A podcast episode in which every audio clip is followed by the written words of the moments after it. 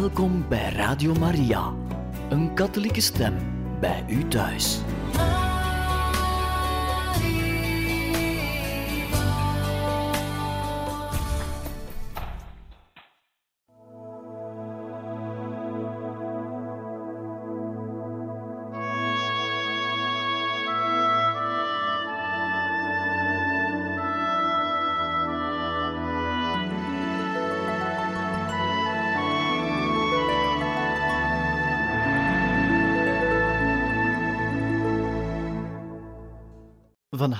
Welkom, beste luisteraars van Radio Maria, bij het programma Heiligen Getuigen.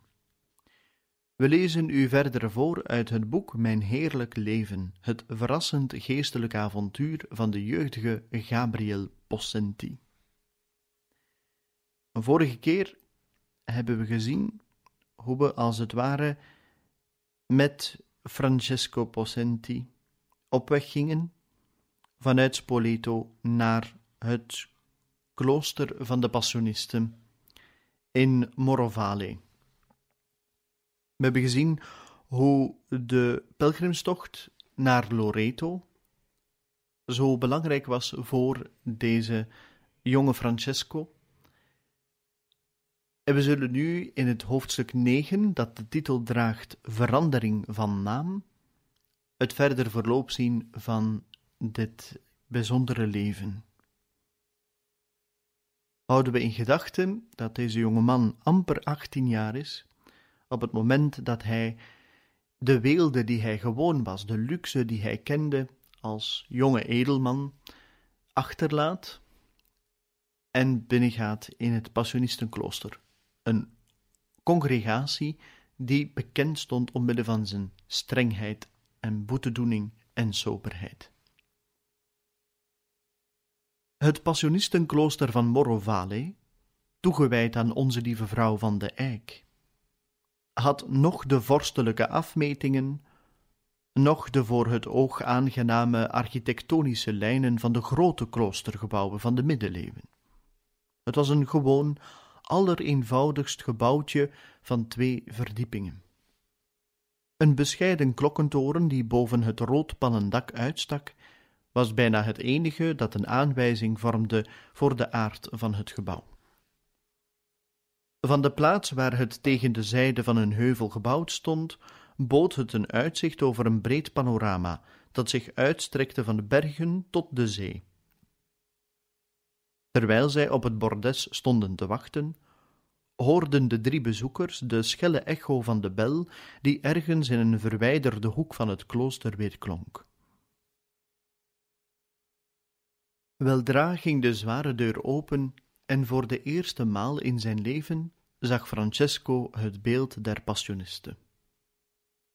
De glimlachende broeder, die hen welkom heette, was gekleed in een zwarte tuniek, met een eenvoudige lederen gordel rond het middel. Aan de linkerkant omsloot een wit hart, met erboven een wit kruis de woorden Jesu Passio met drie nagels. Een rozenkrans die aan de gordel hing en in sandalen gestoken blote voeten vervolledigden het beeld. Al gauw werden zij alle drie in de spreekkamer van het klooster gelaten. Het was duidelijk dat op dit trefpunt van wereld en klooster het klooster overheerste. Er was geen concessie gedaan aan geriefelijkheid, niets kon een bezoeker ertoe verlokken zijn bezoek langer te rekken dan noodzakelijk was. Er lagen geen dikke tapijten of zware matten, en ook waren er geen geboende vloeren, geen gemakkelijke stoelen, geen sierlijke tafels, geen schilderijen aan de muur. Het enige sieraad aan de wit gekalkte muren was een groot kruisbeeld. De vloer was van eenvoudige bakstenen, maar schoon en goed geveegd. Een onbedekte houten tafel en een paar stoelen met rieten zittingen waren alle meubels die er stonden. Nauwelijks hadden zij hun omgeving in ogenschouw genomen, of er klonk een bescheiden klopje op de deur. De priester die binnentrad was pater Raphael van de heilige Antonius, novicenmeester, die hen hartelijk begroette en tegelijkertijd de nieuwe postulant snel opnam. Ze hadden nauwelijks een paar woorden gewisseld toen er nog een priester binnenkwam, ditmaal een veel jongere man, pater Norbertus van Maria. En hier moeten we even halt houden, beste luisteraars, want Pater Norbertus zou eigenlijk een belangrijke rol gaan spelen in het leven van de heilige Gabriel. En we zullen even stilstaan bij zijn levensgeschiedenis. Deze pater Norbertus Cassinelli, die werd geboren op 13 april 1829 in Gravellia, in de buurt van Genua. Toen hij twaalf jaar was, ging hij naar het bisschoppelijk seminarie te Chiavari. Later besloot hij passionist te worden, een keuze overigens waar zijn familie zeer tegen gekant was. Hij trad toen in het noviciaat te Lucca, waar hij in 1848 geprofest werd. Als student werd hij ernstig geplaagd door scrupules, zo erg dat hij de heilige communie alleen ontving op last van zijn oversten. Nadat hij gewijd was, werd hij benoemd tot ondernovicenmeester. Later werd hij rector, provinciaal en consultor-generaal. Hij was een onvermoeibaar werker en liet meer dan zeventien handschriften van boeken na met preken, conferenties, instructies over inwendig gebed, werken over het innerlijk leven enzovoort. Zijn devotie tot Maria was opvallend en vormde een belangrijk aspect van de geestelijke vorming die hij zijn novicen en studenten ten goede liet komen. Hij was opgewekt van aard en een vijand van alle singulariteit. Wanneer men hem om raad vroeg, antwoordde hij steeds: Laat me daar eerst eens voor bidden. Hij verheugde zich in de vriendschap van Paus Pius X en van de heilige Don Bosco, en hij stierf te Recanati op 29 juni 1911 op de leeftijd van 82 jaar. De eerste zitting van het informatieve proces voor zijn zaligverklaring vond de Recanati plaats op 17 november 1958. Tot zover dus die een korte levensgeschiedenis van deze pater Norbertus van Maria. We gaan verder in ons verhaal. Hoewel Francesco het op dat ogenblik niet kon vermoeden, was pater Norbertus ertoe voorbestemd een zeer belangrijke rol in zijn toekomst te spelen. Deze zou zijn biechtvader en geestelijke leidsman zijn voor de hele tijd van zijn kloosterleven, en het zou voor een groot deel aan de voorzichtige leiding van pater Norbertus toe te schrijven zijn dat hij uiteindelijk heilig zou worden. Op dat ogenblik was pater Norbertus 27 jaar. Hij was in december 1851 gewijd, toen hij 22 was, en was gedurende twee jaar ondernovicenmeester geweest. Tenger van lichaamsbouw en van minder dan gemiddelde grootte, beschikte hij niettemin over een eerbied afdwingende, maar steeds aantrekkelijke persoonlijkheid. Zijn scherpe, doordringende ogen en tamelijk strenge gelaatsuitdrukking werden verzacht door de glimlach die steeds om zijn lippen lag. Hoewel nog vergelijkenderwijs jong, beschikte hij over een aanmerkelijke graad van geestelijk waarnemingsvermogen, en aan persoonlijke heiligheid paarde hij een uitgebreide kennis van ascetische theologie. Bovenal drong hij aan op het belang van intensieve aankweking van het innerlijk leven als een middel ter heiliging en in de opvoeding van zijn novicen legde hij daar steeds de nadruk op. Een paar uren waren vlug verstreken, maar pater Aloysius voelde zich plotseling droef te moede bij de gedachte dat het onvermijdelijke afscheid snel naderde. Voorzichtig was nog het plan geopperd dat Francesco eerst nog eens een nacht in het Kapucijnenklooster zou doorbrengen. De volgende dag zouden zij met hun drieën dan een bezoek gaan brengen aan het Sint-Augustinusklooster Monte Giorgio, waar zuster Marie-Thérèse Frischiotti hen met verlangen verwachtte. En ongetwijfeld stelde de brave zuster zich daar heel veel van voor, want zij had haar neef Francesco nog nooit ontmoet, hoewel zij al veel over hem gehoord had. En bovendien zou zij haar broeder, de Capucijn, zien en haar neef, de Dominicaan. Het zou een feest van familienieuws voor haar zijn. Arme tante, merkte pater Aloysius grappig op.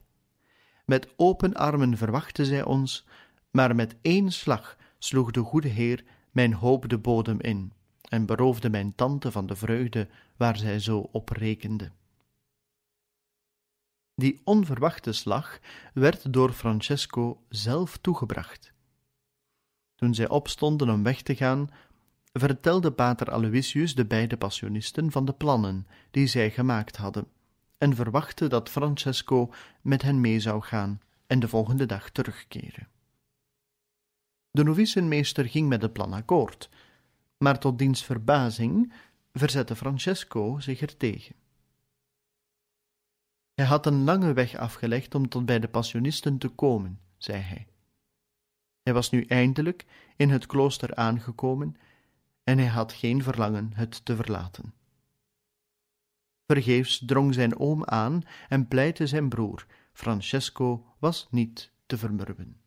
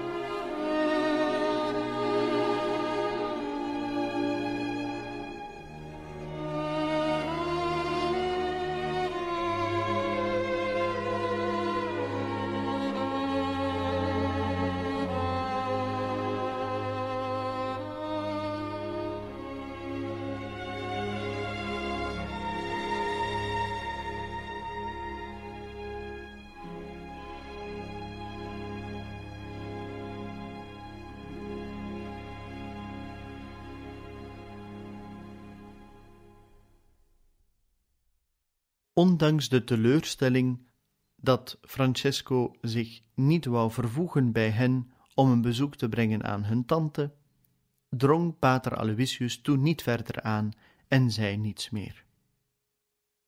De tijd om afscheid te nemen was gekomen, en dus omhelsde hij zijn broer teder, maar niet zonder tranen.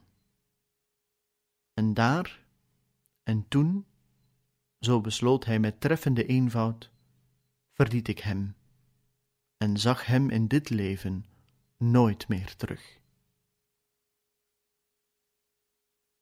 Terwijl de Capucijn en de Dominicaan op hun schreden keerden en de heuvel afdaalden, konden zij niet nalaten zich af te vragen hoe het Francesco vergaan zou. Hij had evenwel geen tijd om zich eenzaam of terneergeslagen te voelen, want alles begon zich met verbijsterende snelheid af te wikkelen. Pater Norbertus ontfermde zich zonder dralen over hem, zei hem zijn koffertje te nemen en bracht hem naar de novicenafdeling van het klooster. Ik nam hem mee naar de voor hem bestemde kamer, herinnerde de priester zich later, en stelde hem voor aan de novicen. En van dat ogenblik af werden wij niet meer van elkaar gescheiden. Alleen de dood was daartoe in staat. Wat hij ook over het kloosterleven meende te weten, gedurende de eerste paar dagen moet Francesco zich toch wel erg verlaten gevoeld hebben. Er was zoveel dat hij leren moest omtrent zijn nieuwe leven, zoveel dat vergeten moest worden omtrent het vroegere. Pater Norbertus gaf hem een korte inleidende uiteenzetting aan de hand van een afschrift van de dagdeling of horarium, maar aanvankelijk was het nog niet zo gemakkelijk te weten wat er te doen viel. Om hem te helpen kreeg hij een afschrift van de reglementen voor de novicen en enkele geschikte boeken voor geestelijke lezing en overweging. Voor de eerste maal leerde hij in bijzonderheden de bezielende geschiedenis kennen van de oorsprong van de Passionisten. Toen hij nog een leek was, werd de stichter, de heilige Paulus van het Kruis, begenadigd met een reeks visioenen, waarin het plan van de toekomstige congregatie voor hem ontsluierd werd. Gekleed in het zwarte habit van het lijden, verscheen onze lieve vrouw aan de heilige om hem een belangrijke boodschap mede te delen. Je moet een congregatie stichten, waarvan de leden op deze manier gekleed moeten gaan, en waarin er steeds rouw zal zijn om het lijden en de dood van mijn zoon. Gesterkt door deze hemelse instemming had Paulus van het Kruis de regel voor de nieuwe congregatie opgesteld. Hoewel er vanwege de strengheid die erin vervat was, verscheidene jaren verliepen voordat deze regel door de Heilige Stoel werd goedgekeurd, geschiedde dit uiteindelijk door Paus Clemens de veertiende in 1769 door de bul Supremi Apostolatus.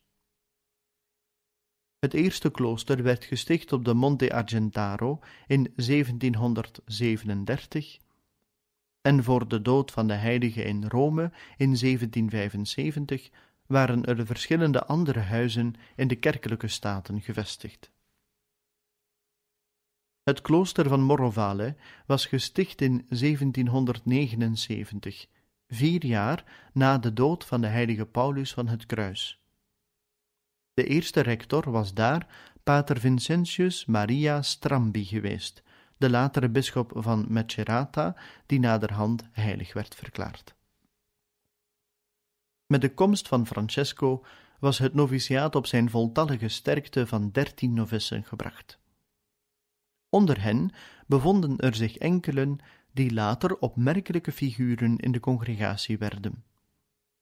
Een van hen was reeds priester, pater Bernardus Maria van Jezus, later, gedurende bijna dertig jaar, superior-generaal van de Passionisten. Een andere was Franciscus Xaverius der Moeder van Smarten, eveneens op zijn beurt generaal van de Passionisten. Pater Bernardus Maria werd aangewezen als metgezel van de nieuwe gekomene om hem gedurende de paar eerste moeilijke dagen te helpen bij het ontdekken van wat hij te doen of na te laten had. Hij leerde Francesco hoe hij het brevier moest gebruiken en de verschillende delen van het koorgebed vinden. Bij het avondmaal in de refter kreeg Francesco op de avond van zijn komst voor het eerst een overzicht van de verzamelde communiteit, zijn eerste ervaring van het leven als passionist. Toen hij de laagste plaats aan tafel innam, die hem vanzelfsprekend ten deel viel als laatstgekomene, moest hij onwillekeurig denken aan de bijna symbolische omkering van de waarden. Hij, die de eerste geweest was op het college van Spoleto, was nu de laatste in het klooster. Het was een eerste en duidelijke les in nederigheid. Het maal werd in stilte genuttigd. De naakte houten tafels waren niet met tafelkleden bedekt, maar ieder was voorzien van een gevouwen servet. De lepels en vorken waren van hout, het aardewerk gewoon en eenvoudig. Hoewel voldoende, kwam het eten geenszins tegemoet aan een kieskeurige smaak. Het werd opgediend door de novissen, en als Francesco heimelijk naar de kortgeknipte hoofden en ernstige jonge gezichten keek, voelde hij zich gelukkig gestemd bij de gedachte dat ook hij spoedig een van hen zou zijn. Op het eind van de karige maaltijd liet de rector een kleine bel weer klinken en allen stonden op voor het dankgebed. Francesco volgde de lange rij van zwijgende, in het zwart geklede gestalten langs een schemerig verlichte gang om een bezoek te brengen aan het heilig sacrament. Ten slotte kwam hij in de recreatiezaal van de novicen, waar allen verlof hadden om te spreken. Dit was een nieuwe les, thans in gehoorzaamheid. In het noviciaat mag niets gedaan worden zonder goedkeuring.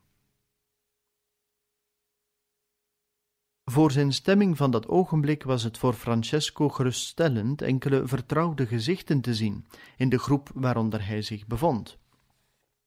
Twee van zijn kameraden uit Spoleto, Cesar Calandrelli en Ponziano Gismondi, waren een week voor hem naar het noviciaat gegaan en waren er samen op 3 september aangekomen.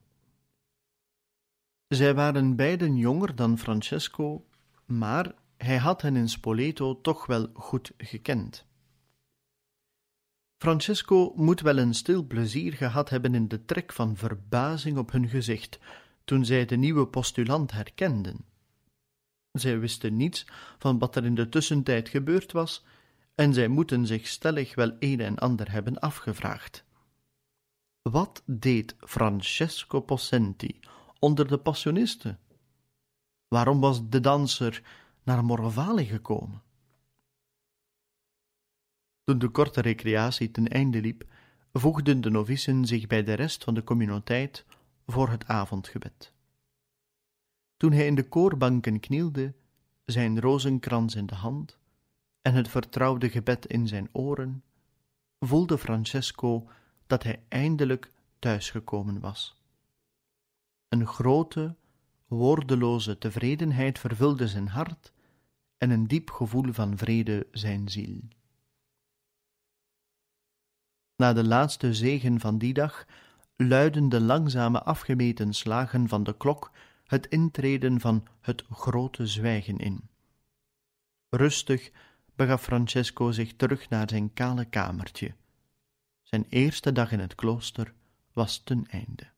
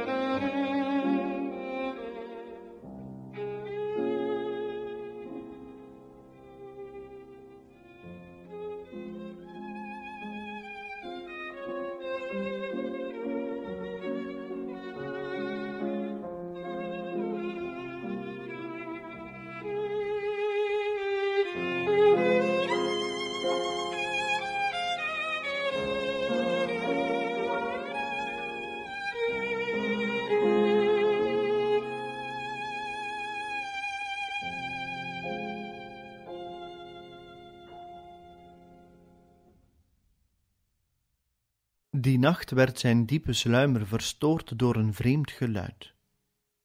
Nog nooit tevoren had hij iets gehoord dat er ook maar bij benadering opgeleek.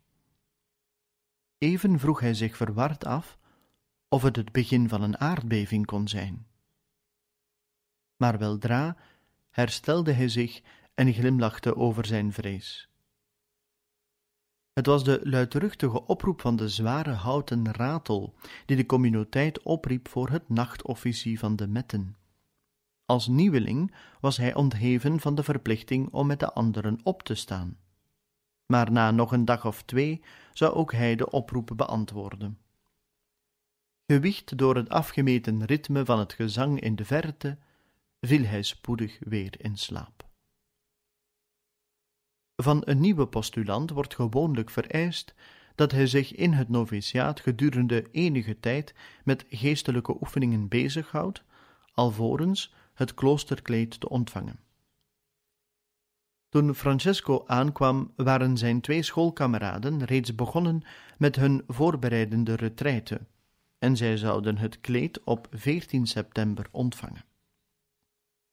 Daar Francesco een week later gekomen was, was de datum waarop hij het kleed zou ontvangen voorlopig vastgesteld op zondag 21 september, het feest der zeven smarten van Maria. En voor Francesco betekende dit inderdaad een gunstig voorteken. In een vergadering van het kapittel werd de aanvraag van Francesco Possenti door de priesters van de communiteit overwogen. Hij werd geroepen om door de overste ondervraagd te worden met betrekking tot de motieven die hem ertoe geleid hadden bij de passionisten zijn intrede te doen, en de beslissing ten gunste van zijn toelating was eenstemmig. Zijn voornaamste bedoeling met het omhelzen van de kloosterlijke staat was zichzelf volkomen aan God te schenken, en van begin af aan was het duidelijk dat het hem volle ernst was. Na enkele dagen, zei pater Norbertus, zou men gedacht hebben dat hij al verscheidene maanden in het noviciaat had doorgebracht. Zijn twee kameraden, die hem gekend hadden voordat hij in het klooster trad, waren bijzonder gesticht door zijn gedrag en vertelden mij meer dan eens hoe verrast zij waren. Tot zijn grote verrassing ontving Francesco een paar dagen na zijn aankomst een brief. Deze was hem van thuis nagezonden en het was de tweede brief van de provinciaal, waarin deze hem op zijn tweede, dringend verzoek een instemmend antwoord zond. De aanwijzingen die in de brief gegeven werden, waren toen reeds vervuld, maar het deed Francesco toch goed de hartelijke uitnodiging uit Recanati te lezen. Ze luidde als volgt: Mijn beste Francesco, ik heb niet nagelaten je vorige brief onmiddellijk te beantwoorden en ik weet niet hoe het mogelijk is dat mijn brief niet terechtgekomen is. Misschien heeft je vader hem achtergehouden, omdat hij de echtheid van je roeping wellicht op de proef heeft willen stellen door hem je niet te geven. Niettemin herhaal ik mijn antwoord op de punten die je in je brief naar voren brengt. Ik vind dat je besluit om kloosterling te worden niet het gevolg is van jeugdige onbezonnenheid, maar dat het stellig en zeker een roeping is, die je met alle ijver dient te volgen. Wil je je daarom terstond naar ons noviciaat in Morovale begeven, aangezien er daar een plaats open is, tenminste dat schijnt zo, als er nog niet aan iemand anders is toegewezen. Het onderhoud zal in het noviciaat plaatsvinden en zal niet te veel eisend zijn, ik heb er de novicenmeester reeds van op de hoogte gesteld. Wees zo goed met je doop- en vormbriefjes, een verklaring van ongehuwd te zijn en van een blanco strafregister te bezitten, zowel in burgerlijk als in kerkelijk-rechtelijke zin, ook de som van 28 scudi mee te nemen voor je uitzet. De bovengenoemde documenten moeten alle het zegel dragen van de aartsbisschoppelijke curie van je stad. Bid voor mij. Je toegenegen in Christus, Simon van Sint-Jozef, passionist provinciaal, Recanati, 7 september 1856. Het is volkomen duidelijk dat Francesco van het ogenblik dat hij een voet in het noviciaat gezet had, volkomen was veranderd. Pater Norbertus sloeg hem aandachtig gade en was meer dan voldaan.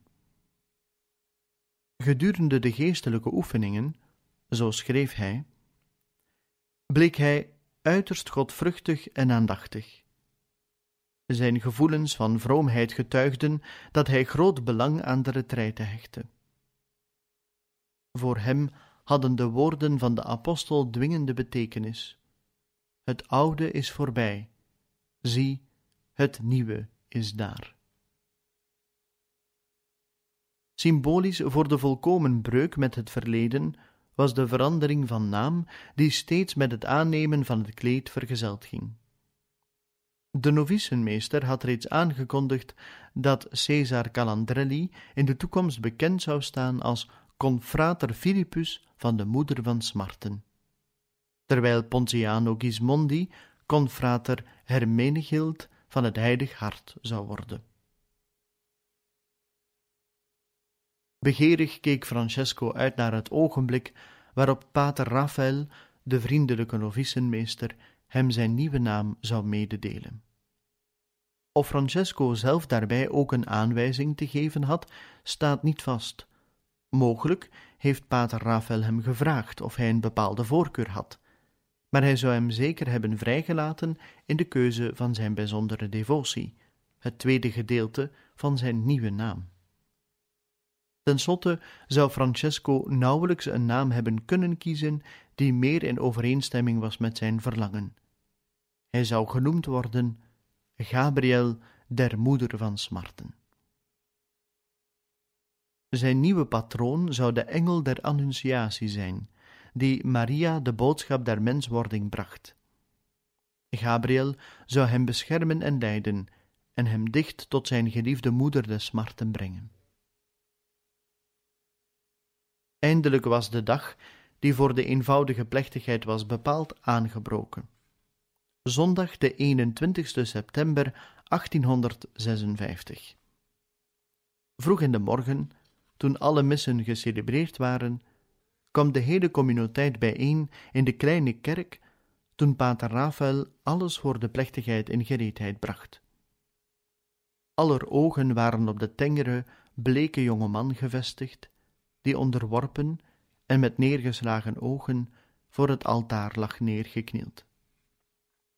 Toen Francesco aandachtig naar de openingsgebeden luisterde, had hij het gevoel dat ze voor hem een bijzonder betekenis hadden, en naar hij hoopte voor hem ook bijzondere uitwerking mochten hebben.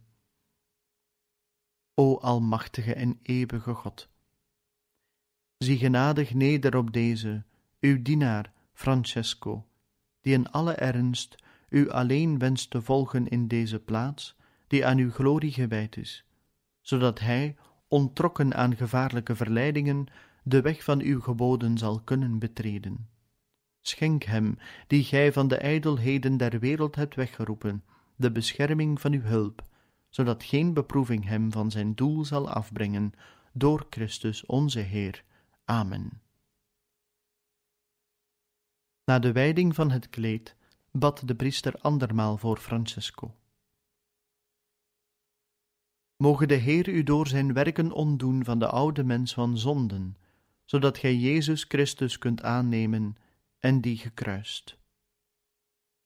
Toen trad Francesco naar voren om voor de celebrant te knielen en zijn nieuwe ordetekenen te ontvangen: het zwarte habit, de leren gordel de lange wapperende mantel.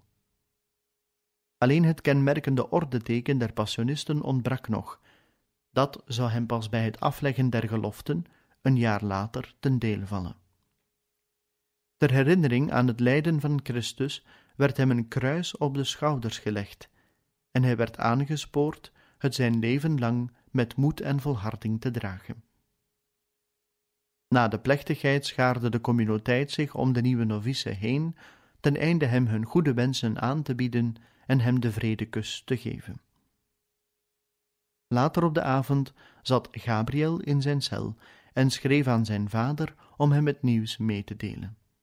Het was de eerste van vele van zulke brieven, en het is de duidelijke en ongekunstelde uitdrukking van zijn meest innerlijke gedachten. Hij schreef: Morovale, 21 september 1856. Lieve vader, eindelijk is de dag gekomen. Reeds lang wachtte de Almachtige God op mij, maar ondankbaar bleef ik doof voor zijn roep, mezelf vermakend en hem voortdurend beledigend in de wereld.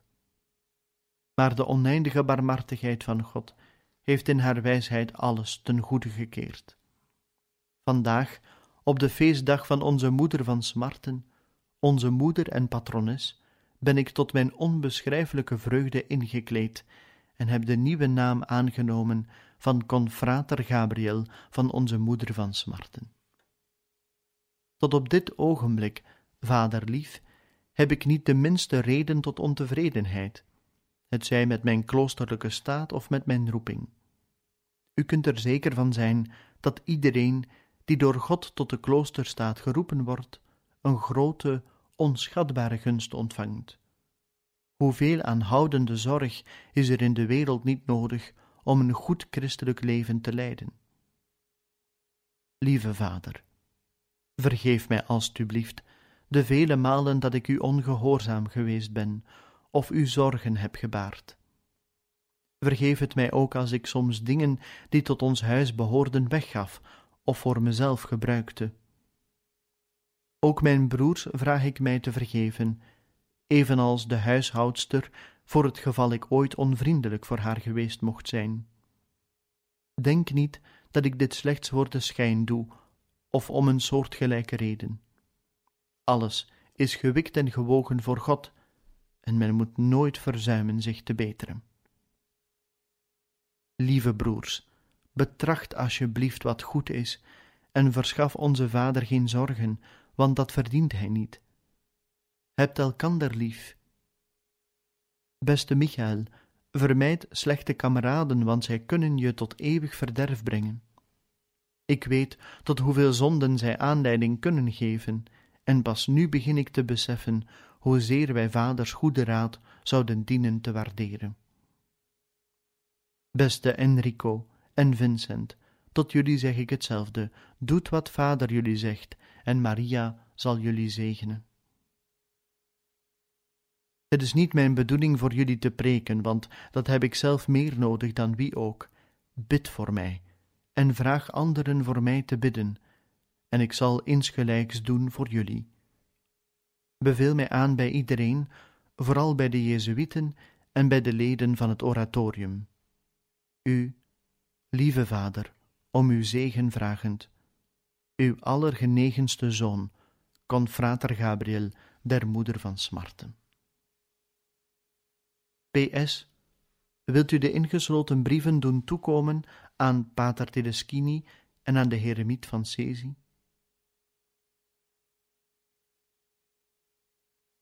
Toen hij zijn brief af had, stond Gabriel enkele ogenblikken in gedachten verzonken, terwijl hij door het raam over het rustige landschap keek, dat reeds door de avondschemering werd omsluierd. Dichtbij lag de kloostertuin en daarachter de boomgaard en de weilanden. Nog verder lag de weg, de weg waarlangs hij nog maar een korte tien dagen geleden hierheen gekomen was. Morgen zou zijn brief onderweg zijn, terug langs diezelfde weg, helemaal tot Spoleto. Reeds begon het oude vertrouwde leven van Spoleto voor zijn geest te vervagen. Het was zo schemerig geworden als het landschap dat zich voor hem uitstrekte, en spoedig zou het zich in de duisternis hebben opgelost. Op ditzelfde ogenblik dat het klooster door de stilte voor de nacht omgeven was, zou er in Spoleto levendige drukte heersen. Een dichte menigte zou zich verdringen in de foyer van de schouwburg, waar de spiegels ontelbare facetten van licht uit de zware kristallen kroonluchters zouden weerkaatsen. In de deftige salons zou muziek en het zachte geruis van gesprekken en gelach vrolijk kabbelen achter opgehaalde gordijnen en gesloten jaloezieën. Buiten, in de schemering verlichte straten, zou het geratel van de wielen der rijtuigen en het klipklap van de paarden het komen en gaan van de meer belangrijke gasten aankondigen. Zou er ook maar iemand even aan hem denken, vroeg hij zich een beetje bitter af. En vader, zijn broers, Pacifica. Wat waren die nu aan toen? De gewone sleur van het huiselijke leven zou onveranderd voortgaan. Alleen de komst van zijn brief zou even een vleug van opwinding in de rustige atmosfeer verwekken. En misschien zou de oude Pacifica dan naar boven, naar zijn lege kamer gaan en voor het altaartje van de Madonna knielen om een gebed voor hem te prevelen. Het was allemaal nog geen honderd mijl van hem vandaan. Maar wat hem aanging, was het een andere wereld, een andere planeet. Hij was geheel en al uit die sfeer gestapt en zijn leven had zich volgens een volkomen nieuw patroon gevoegd. Bijna onwillekeurig keek hij omlaag, naar zijn blote voeten in de sandalen, naar het lange zwarte kleed dat door de leren gordel in bevallige plooien gehouden werd. Dat was allemaal nog nieuw voor hem, want nog slechts enkele uren oud. Maar de verandering die er had plaatsgegrepen was meer dan een verandering van naam, een verandering van levenswijze, van kleding. De verandering was radicaler en volkomen. Het was een verandering van zijn persoonlijkheid. Op die dag was Francesco Possenti eindelijk verdwenen. En Gabriel van de moeder van Smarten had zijn plaats ingenomen.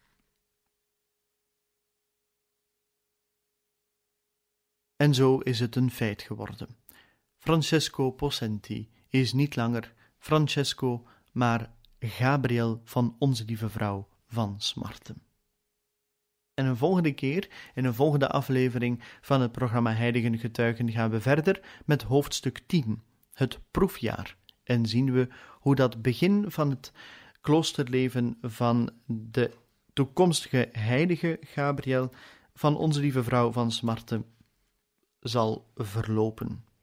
En dan lezen wij u graag verder voor uit het boek Mijn Heerlijk Leven, het verrassend geestelijk avontuur van de jeugdige Gabriel Possenti, geschreven door Edmund Burke.